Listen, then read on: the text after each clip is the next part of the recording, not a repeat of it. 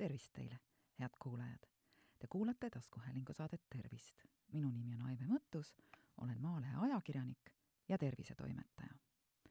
tänane saade tuleb pisut teistsugune kui kõik varasemad, sest ma olen võtnud äh, stuudiosse kaasa ajakirja Tervis pluss augusti numbri ja kavatsen seda siin sirvida ning teile siis rääkida, mida ma ajakirjast näen. no kaane peal on äh, selline mees nagu Ingvar Villido, kes äh, räägib oma pikas loos sellest, et ta mitte ei ravi inimesi, vaid õpetab neid. aga siin on ajakirjas ka teisi äh, toredaid lugusid, no näiteks Kuhu võib viia näägutamine, äh, kuidas langetada viie päevaga lihavabalt kaalu, ajakirjas on ka lugu sellest, miks endine minister ja poliitik Katrin Saks sukeldumist armastab, lugu on tõhusast rasvapõletustreeningust ja naisest, äh, keda vähk meditsiiniõeks õppima viis. aga lugu, äh, mis mind eriti huvitab ja millest ma teile täna rääkida kavatsen, räägib hoopis äh, niisugusest haigusest nagu podagra. ja selle on kirjutanud ajakirjanik Kristina Traks. loo pealkiri on Aadlike haigus podagra. Podagat on sajandeid peetud aadlike haiguseks, mis kimbutab rammusat toitu söövaid ja vähe liikuvaid inimesi kõige sagedamini keskealisi mehi. tõvi pole aga kuhugi kadunud ka tänapäeval ja vaevab elunautijaid endiselt. Podagrat kirjeldab põgusalt ka Jaroslav Hašek kuulsas Šveiki raamatus, nimelt põdenud seda tõbe kolonel Schröder, kes olnud väga tujukas ja armastanud lõunalauas jutustada lugusid oma higistavast suurest varbast. just suur varvas ongi see koht, kuhu podagra tavaliselt kõige esimesena hambad sisse lööb ning sellele viitab ka haiguse nimi. nimelt tuleneb sõna podagra kreekakeelsetest sõnadest podos, mis tähendab jalg, ja agra tabamine. no inimesed, keda podagra tabab, avastavad selle üsna äkki. Nad tavaliselt lähevad õhtul rahulikult pärast mõnusat pidu magama ja ärkavad hommikul kohutava valuga suures varbas.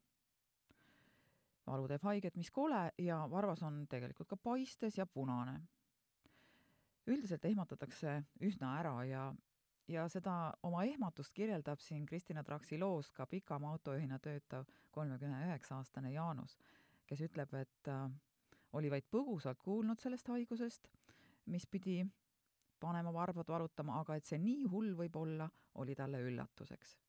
ma ei saanud õieti käiagi, meenutab mees ja hakkas siis Jaanus, noh, otse loomulikult, nii nagu kaasaegsed inimesed ikka teevad, internetist äh, selle kohta materjali otsima ja avastas, et tema tõve sümptomid oleksid nagu meditsiiniõpikust maha kirjutatud.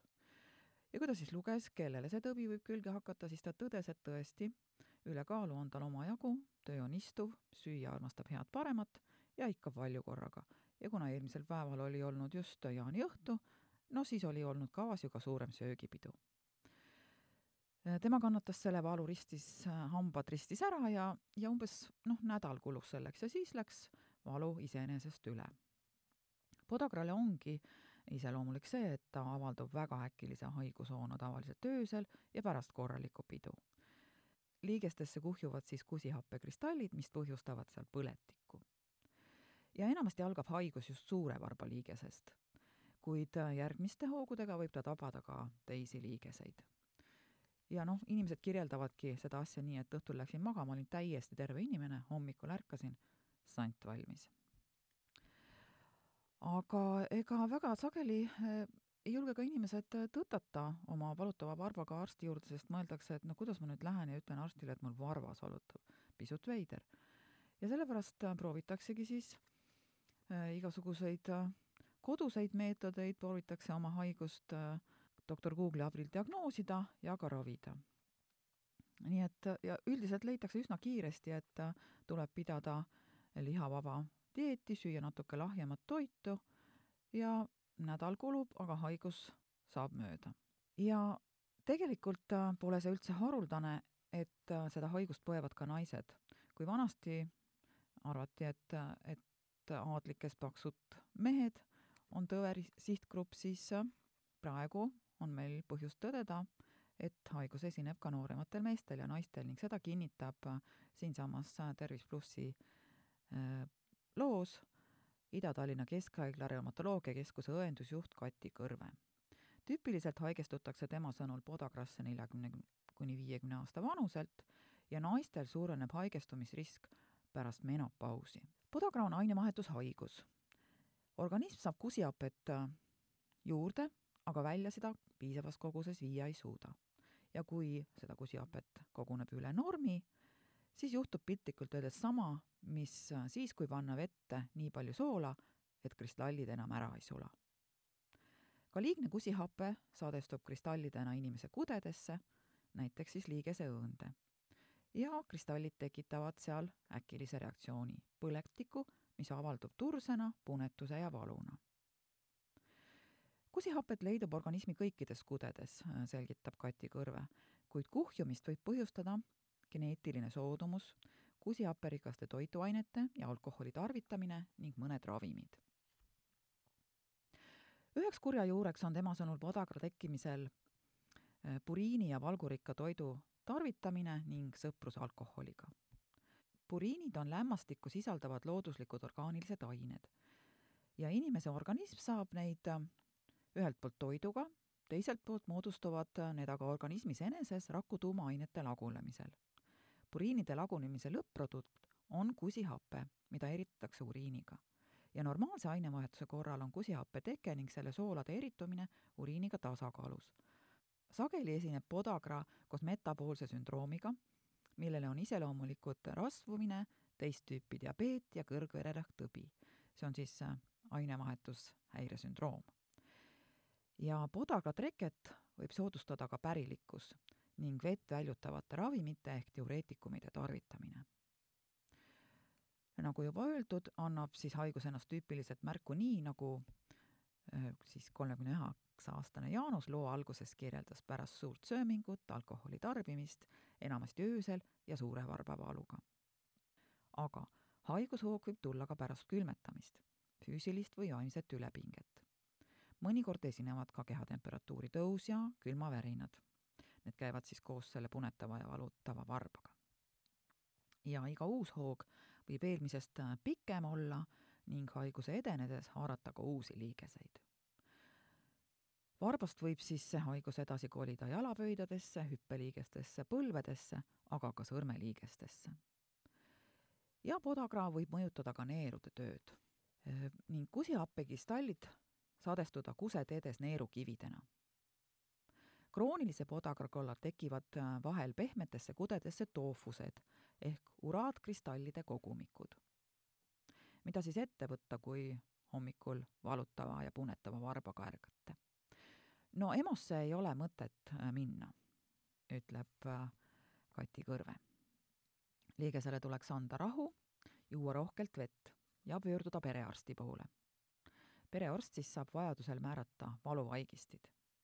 ning oluline on tema sõnul võtta ravimeid täpselt sellise skeemi järgi, mida perearst soovitab.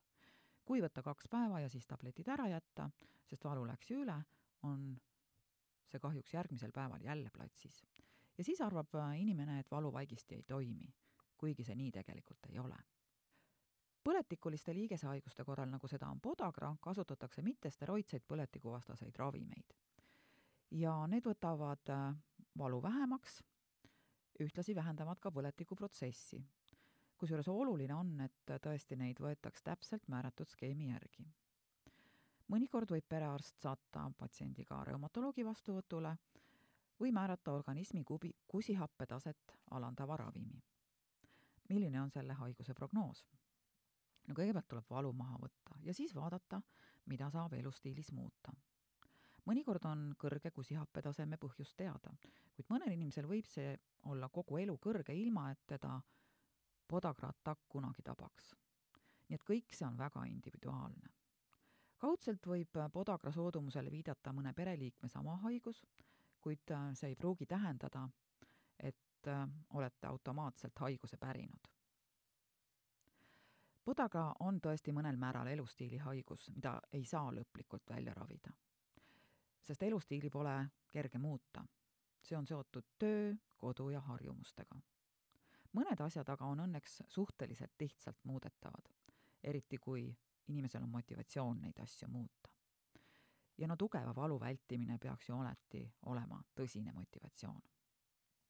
ja et järgmist podagra-ataki vältida, saab inimene selleks ise palju ära teha. kõigepealt tuleb pöörata tähelepanu õigele toitumisele ja kehakaalu vähendamisele. oluline on alustada juba esimese hoo järel kusihappevaest dieeti. ja dieeti peavad eriti järgima südame-veresoonkonna haiged, suhkruhaiged, ülekaaluliselt ning püsivalt kõrge kusihappenäiduga inimesed, kellel on suurem risk podagra tekkeks.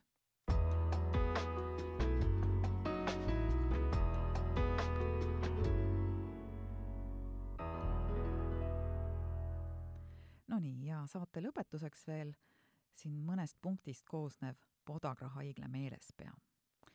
selle on siis kokku pannud Ida-Tallinna Keskhaigla ja õendusjuht Kati Kõrve. esimene mm, soovitus on see, et pea kinni kusihappevaesest dieedist. puriinide päevane kogus ei tohiks ületada viitesadat milligrammi. väldi liha ja kalapuljongit, sealhulgas puljongikuubikuid sest liha ja kala keetmisel satub keeduvette aineid, mis järsult kasvatavad vere kusihappesisaldust. ära söö puriinirikkaid toiduaineid nagu rupskid, viinerid ja sardellid ning suitsutatud liha- ja kalatooted. kala ja liha ei peaks sugugi sööma mitte igal toidukorral. piisab sajast, saja kahekümne viiest grammist päevas. kui haigus ägeneb, tuleb neist toiduainetest kahjuks ajutiselt üldse loobuda liigsöömine on kurjast ja kehakaal tuleks saada normi. Kuid kaalu ei tohi langetada kiiresti ja järsult, sest nälgimine ja liiga kiire kaalukaotus tõstab järsult kusihappe taset veres. optimaalne kaalulangus on umbes pool kuni üks kilogramm nädalas. eelista väherasvaseid piimatooteid ja otse loomulikult juur- ja puuvilju ning teraviljatooteid. väga head on täisteraleib ja sepik. tarbi piisavalt vedelikku vähemalt kaks liitrit ööpäevas. Lubatud on juua vett või siis ka mineraalvett, taimeteed ja mahla. kange kohv, tee ja magusad karastusjoogid pole eriti soovitavad. ära liialda alkoholiga, sest alkohol pidurdab kusihappe väljutamist organismist ja on podagra hoo vallandajaks. leia endale sobiv liikumisviis ja anna kehale iga päev füüsilist koormust ning kui haigus on tekkinud, siis järgi täpselt arsti ja õe soovitusi. head kuulajad, te kuulasite taskuhäälingu saadet Tervist. saate leiate Delfi podcastide pesas tasku, nutirakendustes Spotify, Apple Podcasts, SoundCloud ja teised. hakake jälgijaks ja kuulake just teile sobival ajal. ettepanekuid teemade kohta, mida saates käsitleda, ootan e-posti teel aadressil tervist.maaleht.ee minu nimi on Aive Mõttus, olen Maalehe ajakirjanik ja tervisetoimetaja. tervist teile!